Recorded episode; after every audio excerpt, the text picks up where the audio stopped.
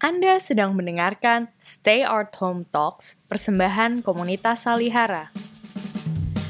Dalam Stay Art Home Talks volume kedua ini, kami menghadirkan perbincangan dan pembacaan karya sastra Indonesia dengan merujuk 11 plus 1 kata kunci pada peta sastra Indonesia yang disusun oleh komunitas Salihara.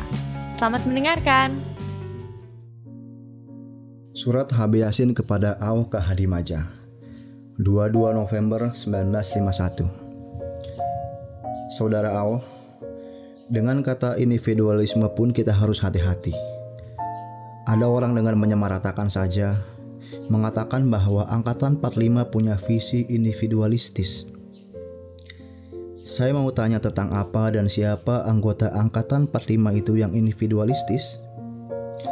Sebab saya akui, angkatan 45 itu adalah heterogen. Ada orang yang mau supaya homogen. Sebab katanya sesuatu angkatan itu harus homogen. Mengapa? Tapi mengenai satu orang pun apakah bisa dia individualis 100% tiap saat dari hidupnya dan di tiap tempat dia berada? Cobalah bariskan sastrawan-sastrawan kita dengan hasil-hasilnya. Khairul Anwar, Asrul Sani, Rifai Apin, Idrus, Usmar Ismail, Pramudia Anantatur. Masing-masing punya individualitasnya sendiri. Tapi individualis? Hairil Anwar menurut pengakuannya adalah binatang jalang. Tapi dia juga pencipta doa, Isa, Kerawang Bekasi. Rifai Apin pernah bikin saja kepuasan yang mulai dengan kesombongan. Telah kutanam benihku pada perempuan-perempuan subur dan sekarang mereka telah mengandung. Tapi bukankah dia pula yang meratapi nasib Indonesia dalam elegi? Dengan karakteristik humanisme universal, saya coba menyifatkan angkatan 45 dan saya tetap melihat inilah sifatnya. Meskipun Clara Akustia dalam majalah Lekra, Dami Namar, mengatakan bahwa humanisme sudah bangkrut. Seperti juga juga suara meneriakan bahwa angkatan 45 sudah mampus. Angkatan 45 tidak hanya terkurung dalam majalah Pancaraya 1945 sampai 1947 atau majalah Seniman 1947 sampai 1948 atau majalah Arena 1946 sampai 1948 atau majalah Gema Suasana kemudian bernama Gema 1948 sampai 1950 atau Gelanggang atau Siasat atau Mimbar Indonesia atau Zenit. Tapi juga aktif dalam Indonesia Lembaga Kebudayaan Indonesia, Balai Pustaka, Majalah Pujangga Baru, dan Lembaga Kebudayaan Rakyat. Yang kemudian ini dengan corak kerakyatan yang tegas. Bagi saya jelas angkatan 45, tambah kembang, tambah luas, dan tambah berdiferensiasi. Bagi saya tidak mengherankan Bakri Siregar anggota Lekra, Buyung Saleh anggota Lekra, MS Asar anggota Lekra, dan lebih tidak mengherankan kalau mereka bisa menulis dalam gelanggang atau siasat, mimbar Indonesia atau Zenit, Indonesia, dan Pujangga Baru. Secara berkelakar, apakah ini bukan bineka tunggal ika? Dan apakah ini tidak memperlihatkan luasnya daerah kebudayaan yang tiba-tiba dapat perhatian Angkatan 45 sesudah Perang Dunia Kedua? Saudara Au sudah baca karangan saya tentang Angkatan 45. Takdir Ali Sahbana menganggap ucapan terakhir dalam karangan itu meruntuhkan apa yang saya bangunkan dan pertahankan. Dan Clara Akustia dalam majalah Lekra yang saya sebut di atas mengatakan bahwa pembelaan saya dibikin banci oleh ucapan itu. Yakni, tapi lebih baik dari bicara tentang angkatan, ialah bicara tentang pengarang seorang-seorang. Asal kuat pribadinya. Siapakah yang menghubungkan Shakespeare, Goethe, Dostoyevsky dengan angkatan. Mereka besar sendiri-sendiri dan mengangkat sendiri-sendiri derajat sastra dan kebudayaan dunia dan manusia. Memang saya telah perlihatkan perbedaan-perbedaan pujangga baru dan angkatan 45. Dan saya rasanya juga terlalu berat sebelah memihak pada angkatan 45 dalam mengatakan pembelaan buat angkatan itu. Tapi apakah cukup berhenti di sini saja? Inilah yang saya sebut bergerak di atas satu dataran. Tidak, saya mau satu kesimpulan yang lebih tinggi, tinjauan dari zenit ubun saya sendiri, kebenaran yang paling tinggi. Baik takdir maupun Clara Agustia hanya melihat horizonnya sendiri, tidak memberi kemungkinan pada lawan untuk tumbuh ke langit. Semua mau dilihat dalam pertentangan, seolah tidak ada pemaafan dan penyatuan yang lebih tinggi. Ini kesan saya dari ucapan mereka. Dan Akhdiat kami Harja yang menyebut dirinya Marhaen mengatakan bahwa karangan saya itu penuh kompleks. Benar sekali. Mengapa kita takut dengan kompleks kita sendiri? Dunia kita yang sesungguhnya. Gua tempat perbendaharaan perasaan-perasaan dan pikiran-pikiran yang tidak boleh dikeluarkan oleh pertimbangan-pertimbangan adat.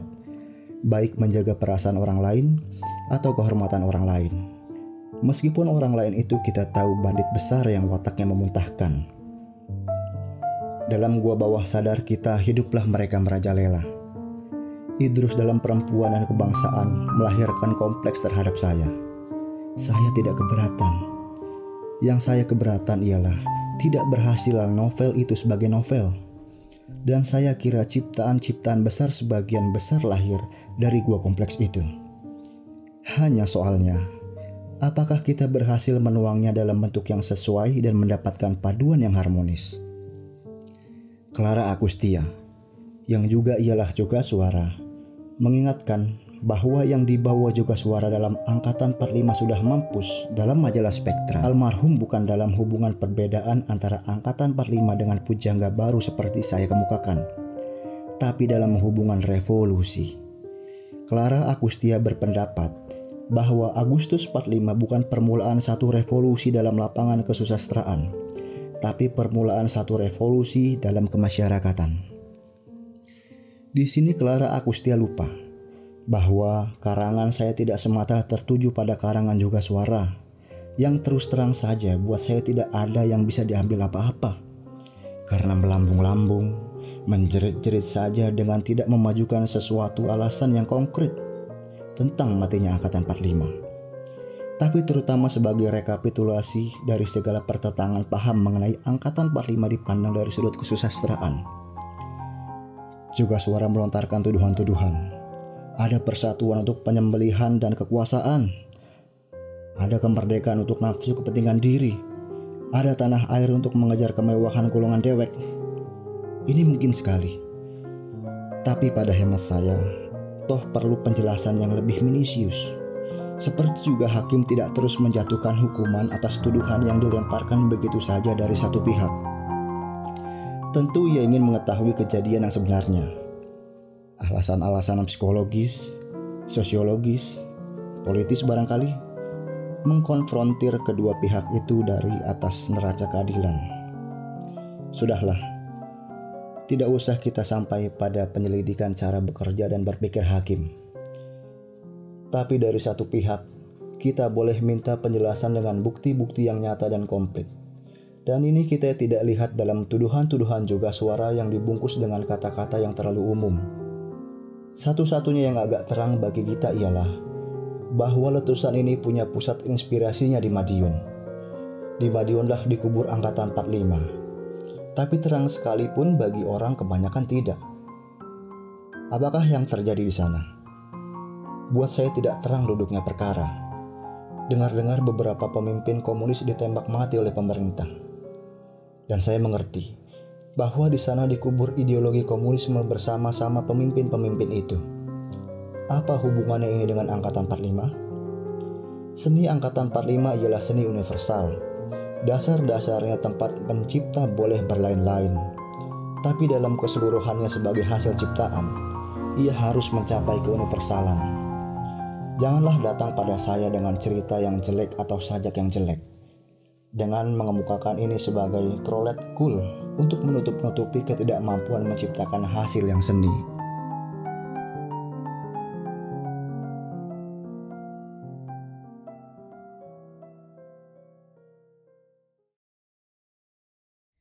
Kita kembali di Stay Art Home Talks episode Yasin Sang Penjaga Sastra Indonesia. Kita baru saja mendengarkan surat Habi Yasin pembacaannya oleh Arif Sufyan. Kali ini saya ditemani oleh Gunawan Muhammad, seorang sastrawan dan perupa, juga dikenal sebagai tokoh pers yang mendirikan majalah Tempo. Apa kabar Mas Gun? Uh, kabar baik, ayo.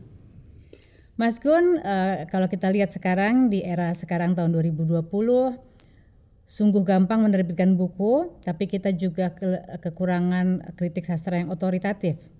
Nah, kalau kita melihat perkembangan sastra katakanlah dari era kemerdekaan sampai era Orde Baru, uh, kita melihat adanya tok adanya uh, pusat uh, kritik sastra yang dianggap otoritatif yaitu HB Yasin.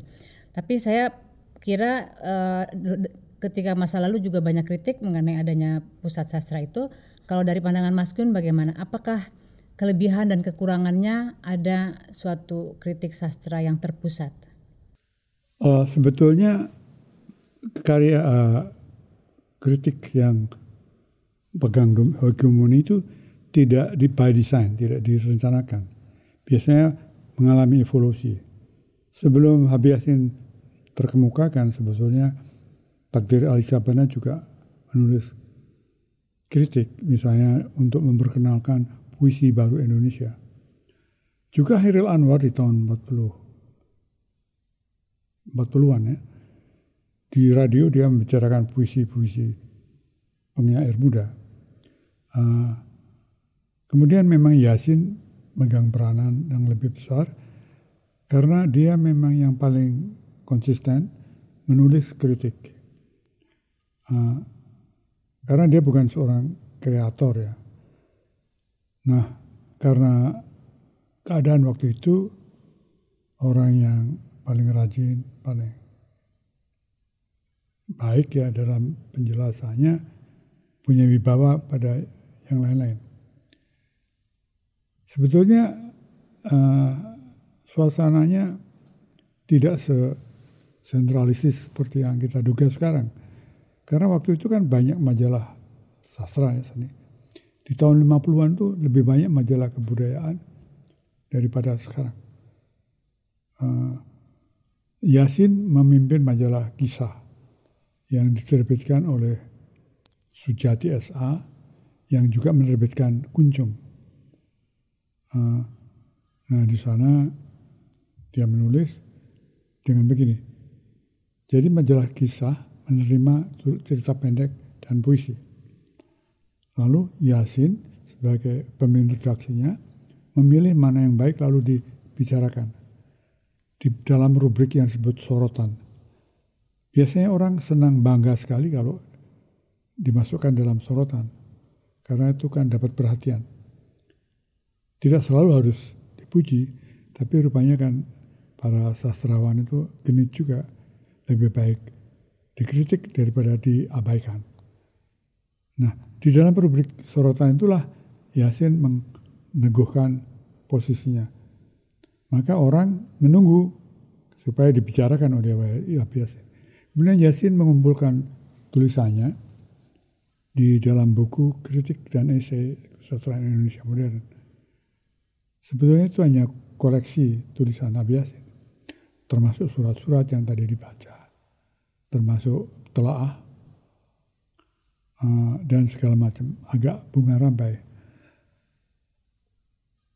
memang tidak bisa dihindarkan itu akan terjadi suatu semacam otoritas. Tapi tidak pernah mutlak. Yasin juga banyak di Cemooh dan bahkan sebutan Paus Sastra Indonesia itu diberikan oleh Gaius Yagian, seorang pengarang itu terkenal sebagai semacam cemooh karena orang-orang seperti merasa baru menjadi sastrawan setelah ditahbiskan, ditahbiskan oleh Habib Yasin. Ini menarik ya bahwa uh, istilah paus sastra buat Habib Yasin pada awalnya adalah sebuah cemooh. Tetapi kita ingat ketika di zaman Orde Baru katakanlah istilah itu diterima sebagai suatu yang otoritatif. Hmm. Uh, kita ingat juga Habib Yasin punya pusat dokumentasi sastra Habib Yasin Artinya secara evolusi uh, Yasin adalah kritikus yang bertahan dari masa katakanlah penjajahan Jepang atau setelah penjajahan Jepang hmm. atau awal kemerdekaan sampai di masa sampai meninggalnya.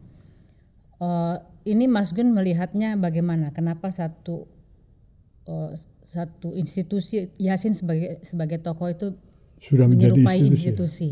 Uh, ya itu karena dia tekun, rajin dan sendiri dan dia punya jasa besar sebagai orang yang membuka ke arah membuka mata kita lebih jauh ke dalam dunia sastra. Misalnya bukunya yang dulu banyak dibaca, Tifa Penyair dan Daerahnya, judulnya sangat ruwet ya. Tapi Tifa kan gendang di Indonesia Maluku untuk memanggil penyair, ya penyair daerahnya daerah kesastraan. Agak complicated. Tapi sebetulnya itu perkenalan apa itu dunia sastra dan saya belajar juga dari sana apa syarat-syarat untuk menjadi sastra. Misalnya di dalam buku itu disebut perlunya belajar psikologi, filsafat, sejarah. Sehingga saya kepengen jadi sastrawan, saya masuk fakultas psikologi. Sebab di fakultas itu ada filsafat dan psikologi dan sosiologi. Saya, selain itu juga buku itu, misalnya dulu kan ada perumpamaan yang sangat klise. Dagunya bagai lebah bergantung. Maka dalam buku itu saya ingat ada gambar wajah terus ada lebah di sini.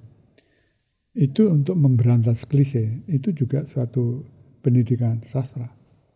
Yasin berjasa selain kemudian dia menjadi semacam guru bagi para pengarang baru maupun lama. Sebetulnya Yasin juga membuat karya ya, buat puisi dan mungkin ada tapi tidak terkenal.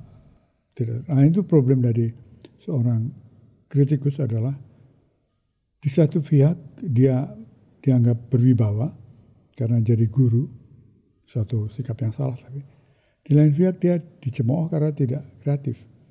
Kan kita tahu bahwa tidak ada hadiah Nobel untuk kritik sastra. Nah, jadi seorang kritikus sastra itu selalu dibayang-bayangi ya paling tidak beberapa orang kecuali Yasin dia ada kekurangan yaitu tidak mencipta sendiri tapi kalau Yasin mencipta sendiri mungkin dia tidak bisa mengkritik karena bagaimana dia mengkritik kalau pasti orang mengatakan ya yang bagus tulisan kamu kan jadi ada semacam pengorbanan dari Yasin untuk melakukan kritik dan memang dia bekerja keras, dia seorang dokumentator. Lebih dari seorang kritikus sebenarnya. Yasin apa saja disabat untuk untuk dokumentasi. Tadi Mas Gun mengatakan bahwa uh, Yasin berjasa memperkenalkan uh, sastrawan baru terhadap filsafat dan lain-lain. Nah, ketika pada masa itu kita juga melihat ada takdir yang punya uh, pemikiran filosofisnya sendiri dan kita juga melihat kubu yang lain seperti Lekra yang punya ideologinya sendiri. Nah, bagaimana uh, letak kritikus sastra di antara pertarungan ideologi ini? Uh, Yasin muncul setelah takdir. Di tahun 40-an takdir itu betul-betul dikuak lah, nggak berdaya. Orang setelah Hairil itu tidak menulis lagi seperti takdir. Jadi Hairil mendobrak dan memberikan paradigma puisi baru. Maka pengaruh takdir sangat sekali hilang. Praktis hilang. Lalu waktu itu Lekra sebenarnya belum kuat. Baru berdiri tahun 50-an. Belum ada ideologi yang membagi-bagi. Yasin juga tidak hanya juga membahas karya-karya orang yang kemudian jadi lekra atau lekra. Misalnya Dodong Jiwa Praja, itu orang Lekra. Tapi karyanya dimuat di majalah sastra. Itu yang bagus di masa dia tahun awal 50-an dan menjelang demokrasi terpimpin. Ada perbedaan-perbedaan ini tidak menyebabkan terpisahnya medium sastra. Setelah menjadi makin militan, perpecahan menjadi sangat tajam di bawah demokrasi terpimpin, maka orang lekra tidak mau menulis di sastra. Orang sastra tidak mau menulis di misalnya harian rakyat. Tapi memang untuk nulis di harian rakyat kan ada suatu afiliasi tersendiri. Nah, tapi setelah sebelumnya ya biasa ya ada orang orang kiri atau kanan masuk dalam ranah yang dibangun Abi Yasin. Abi Yasin sendiri berpendapat bahwa sikap dia begitu. Masalah ideologi para pengarang tidak jadi soal begitu. Asal karya itu bagus. Nah masalah bagus dan tidak kan kemudian memang problematik. Apalagi kalau diletakkan di tangan seorang otorit yang punya otoritas. Nah ini celakanya kalau ada otoritas yang sangat dominan. Waktu itu sayangnya tidak banyak orang menulis kritik menandingi Habiasin. Mungkin karena nggak sibuk dengan menulisan atau yang lain-lain. Kan yang penulis cerpen nggak akan menulis kritik, nggak punya waktu mungkin. Jadi Yasin melakukan lalu tidak ada tandingan. Ya di salah satu suratnya kepada Allah, Habib Yasin juga mengatakan bahwa uh, apalagi di masa ketika itu setelah perang secara ekonomi uh, pekerjaan sebagai kritikus sastra sangat tidak uh, punya nilai ekonomi sehingga mungkin semakin sedikit orang yang masuk ke dunia itu dan mengakibatkan tidak tidak cukup banyaknya kritik sastra. Apakah ini menjadi salah satu alasan? Sangat mungkin, tapi kan kapan saja kritikus sastra secara ekonomis tidak menguntungkan. Pertama, seorang penulis cerpen bisa nulis di mana saja. Misalnya waktu itu di majalah uh, Mimbar Indonesia, sastra, macam-macam. Uh, tapi kan kritikus sastra harus ada yang dikritik. Maka majalah kisah yang khusus sastra dan menjadi majalahnya para sastrawan menjadi penting. Uh, dan saya tidak tahu bagaimana Abiasin hidup waktu itu. Kemudian kan dia menjadi pegawai pusat bahasa. Kemudian menjadi dosen. Waktu itu kan Yasin belum jadi dosen karena belum lulus sastra Indonesia. Tadi saya tidak tahu bagaimana dia hidup. Tapi saya bayangkan betapa sulitnya dan betapa besarnya pengorbanan untuk mengumpulkan karya, membaca, meneliti. Nah sebagai kritikus sastra kan HB Yasin sebetulnya juga mengambil uh, resiko-resiko yang dihadapi ya. Misalnya katakanlah dalam peristiwa uh, menerbitkan manifest kebudayaan dan kemudian pada peristiwa Panji Kusmin. Boleh Mas Gun ceritakan? Ya, sebetulnya Nabi Yasin bukan ini pengambil inisiatif manifest kebudayaan. Uh, pengambil inisiatif yang muda-muda kayak Arif, saya, Salim Said. Kemudian Wiratmo Sugito kan waktu relatif muda. Nabi Yasin itu apolitis sama sekali tidak peduli dengan politik. Uh,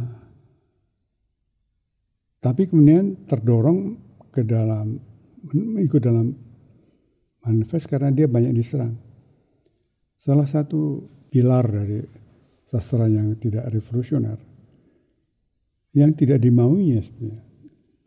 Tapi memang karena posisinya begitu, maka dia mudah diserang.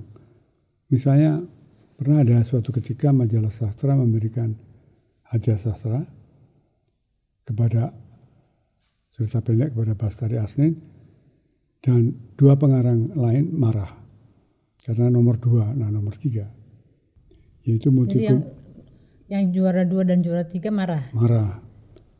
Uh, lalu menyerang Abiasin juga secara politis akhirnya. Itu kan menunjukkan pertama memang tidak dewasa tapi juga persepsi bahwa seorang kritikus sastra itu menentukan hijau merahnya suatu karya. Sebenarnya kalau ada banyak kan kita nggak peduli. Ya dia tidak memberi saya hadiah nomor satu kan yang lain bisa. Waktu itu nggak ada dan Nabi Yasin memang selalu menjadi pada saat dia menjadi keadaan kedudukan itu menjadi sasaran tembak juga. Lalu dia bersama-sama uh, ikut dalam manifest kebudayaan. Jangan lupa bahwa sebetulnya manifest kebudayaan itu ingin membebaskan sastra, juga kritik sastra dari pendiktian politik. Kan menolak politik sebagai panglima maksudnya menolak partai politik mendikta sastra. Karena waktu itu kan sastra di didikte oleh pemerintah atau partai politik. Nah, Yasin merasa diserang oleh Pramudia dan lain-lain. Sebenarnya Lekra tidak pernah menyerang dia. Yang menyerang dia Pramudia yang memang anggota Lekra. Uh, belakangan baru Lekra menyerang dia. Nah tapi kan dia lalu agak guncang. Waktu itu berat loh diserang oleh Pramudia. Karena berpengaruh sekali dan Pramudia dan Bintang Timur itu dalam posisi yang dominan secara politis. Misalnya Hamka diserang karena dianggap plagiat. Itu menjadi persoalan politik. Padahal kalau dibicarakan secara teknis saja atau sastra saja menarik. Akibatnya orang membela atau menyerang Hamka berdasarkan kecenderungan politiknya. Dan itu bagi Hasin kan agak grogi, dia agak grogi.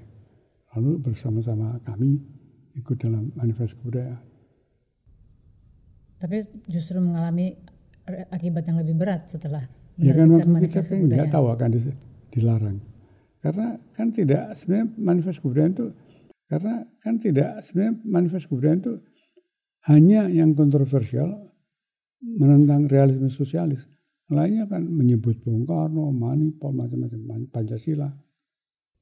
Jadi nggak nyangka kan dilarang, ternyata dilarang. Nah celaka memang ya bisa. Ini menarik Mas Gun untuk mungkin juga diketahui pendengar kita yang uh, sekarang masih muda ya bahwa uh, para sastrawan dan kritikus sastra di masa itu menghadapi uh, tekanan dalam keterlibatan dengan dunia politik ya. Jadi orang-orang uh, dengan ideologi politiknya sangat menganggap dunia sastra berperan sehingga diamati dan di, dikontrol.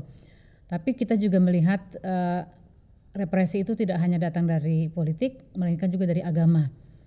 Uh, antara lain pada kasus HB Yasin tentu saja yang kita ingat adalah kasus Ki Panji Kusmin ya Mas Gun ya. Uh, ya, tapi periodenya berbeda ya. Iya. Ki Panji Kusmin itu seingat saya tahun 68 kan. Waktu itu sudah Orde Baru. Manikem bukan sebelum Orde Baru lahir. Uh, setelah Partai Komunis dan Lekra dan Pramudia tidak bersuara, dibungkam, maka kritik terhadap Habib Yasin hilang kan, tapi kemudian majalah sastra terbit. Lain dengan majalah kisah meskipun sama-sama dipimpin Habib Yasin.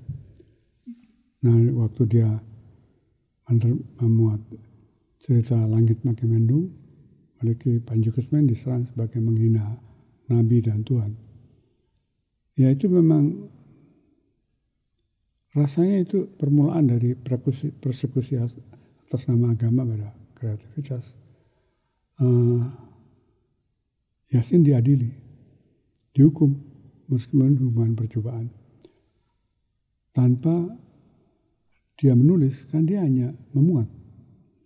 Tapi dia mengambil alih tanggung jawab itu, tanggung jawab pengarang pada ketangan ke dirinya memang sikapnya terpuji dan pembelaan dia yang ditulis mengenai kasus itu saya kira merupakan tulisan Yasin yang salah satu yang terbagus. Kalau Mas Gun mau menjelaskan atau mau merangkum kira-kira jasa Yasin yang terutama bagi kesusastraan Indonesia itu apa Mas Gun? Saya kira tadi pertama memperkenalkan dunia sastra kepada orang awam atau calon pengarang. Saya mengalami itu. Tentu saja yang lain. Dan membuat suasana menjadi sastrawan itu lumayan terhormat. Uh, kedua, sastra menimbulkan penilaian baik buruk. Jadi masalah-masalah nilai. Tidak asal, dulu kan menulis di cerita pendek di mana aja tanpa dinilai sekarang mulai dinilai mulai ada diskusi mengenai apa itu nilai, apa itu kritik. Itu jasa Yasin. Yasin sendiri sebenarnya tidak begitu siap ya secara persiapan ilmunya. Masih sangat terbatas seperti semua orang saat itu. Uh, dibandingkan dengan sekarang.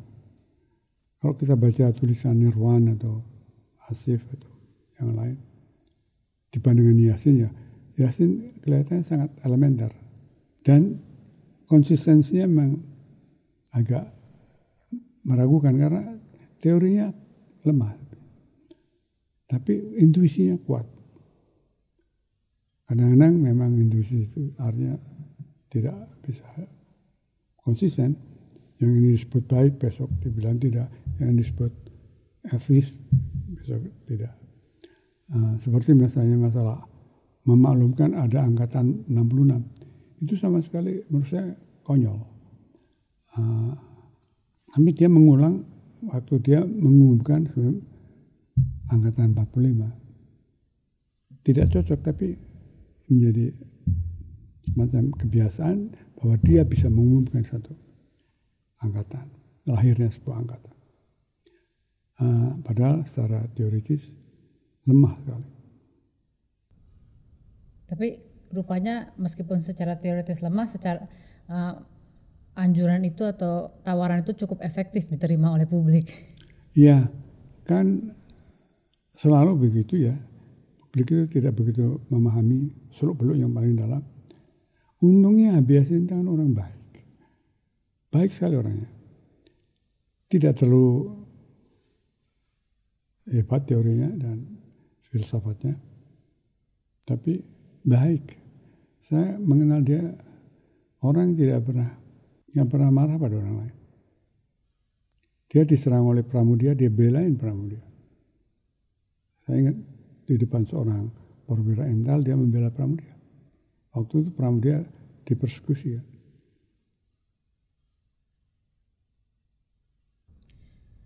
Mas Gun tadi menyebut Nirwan Dewanto juga. Uh, kita ingat bahwa tahun 90-an ada Kongres Kebudayaan di mana Nirwan muncul dengan senjakala kebudayaan mengatakan matinya uh, pusat. Nah, Mas Gun menyambut itu atau kehilangan nggak dengan situasi sekarang bahwa hilangnya sebuah pusat seperti HB Yasin ini? Uh, tidak, karena pusat itu sebenarnya semua waktu itu. Ada kritik-kritik yang tidak masuk ke permukaan, tapi tidak diperhatikan. Jadi yang ada di HB Yasin itu semu bahwa dia dominan. Wibawanya terbatas pada orang awam pada kalangannya lebih tahu dia sebenarnya banyak problem. Uh, bukunya Tifa penyairan daerahnya itu juga banyak kesalahan.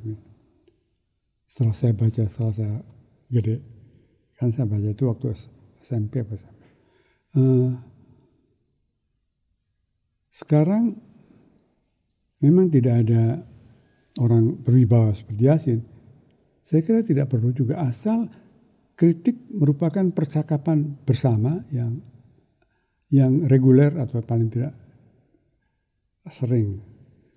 Karena kritik itu memang sebetulnya gunanya apa sih? Kritik hanya untuk membuat kita berbicara tentang sastra. Dan berbicara tentang sastra itu kan mencerdaskan. Ya seperti kita berbicara tentang sepak bola. Karena lalu kita mempelajari teori kadang-kadang nonsens apa? Total football. Mengerti mulai menyebut strategi uh, Mourinho. Sama dengan sebenarnya kan gunanya nggak ada sepak bola bertanding menang itu kan di luar teori dalam sastra juga begitu tapi berguna karena kita menjadi cerdas dan kita bisa melihat sastra lebih kritis dan juga lebih intens. Kalau ada puisi bagus dipujikan enak. Karena sastra kritik sastra kan sebetulnya harus merupakan percakapan yang mengasihkan, bukan polemik. Sekarang ini kebanyakan saya melihat dengan kritik sastra itu menjadi polemik. Untuk menyerang ini maka dipujilah ini. Uh, Sebenarnya latihan bukan latihan. Ya percakapan yang asyik harusnya mengenai sastra. Tidak ada gunanya, nggak ada. Tapi sastra itu pun juga gunanya apa sih? Kritik sastra itu mungkin tidak berguna kalau harus membuat kita berkelahi. Ya, juga kalau dia menjadi guru. Saya pernah ngutip UNESCO, dramatur Perancis, itu mengatakan bahwa alih-alih sebagai murid, eh sebagai guru dari sastra karya, kritikus harus jadi murid dan itu betul sekali. Kalau saya menulis satu kritik, saya belajar dari itu. Memang syaratnya ya salah satu syarat yang implisit adalah bahwa karya yang dibicarakan itu bagus. Kalau karya yang dibicarakan tidak bagus sebenarnya nggak usah bicarakan. Artinya ada kekayaan yang digali dari sastra itu. Kita bicarakan Gabriel Garcia Marquez itu banyak sekali yang bisa digali. Tapi kalau kita bicara uh, karya sinetron ya nggak ada gitu aja. Terima kasih Mas Gun. Uh, saudara-saudara saya kira hal yang bisa langsung dipegang adalah bahwa kritik sastra itu mencerdaskan. Dan sebaiknya kritikus adalah menjadi murid bagi uh, bacaannya, bukan menjadi guru bagi bacaannya. Terima kasih sekali lagi Mas Gun. Terima kasih Ayu. Demikianlah perbincangan mengenai Yasin bersama Gunawan Muhammad. Jangan lupa kunjungi YouTube Peta Sastra Indonesia untuk menonton animasi 11 plus 1 kata kunci kesusastraan Indonesia. Dan sampai jumpa di Stay Art Home Talks berikutnya. Saya Ayu Utami, Kurator Sastra Salihara.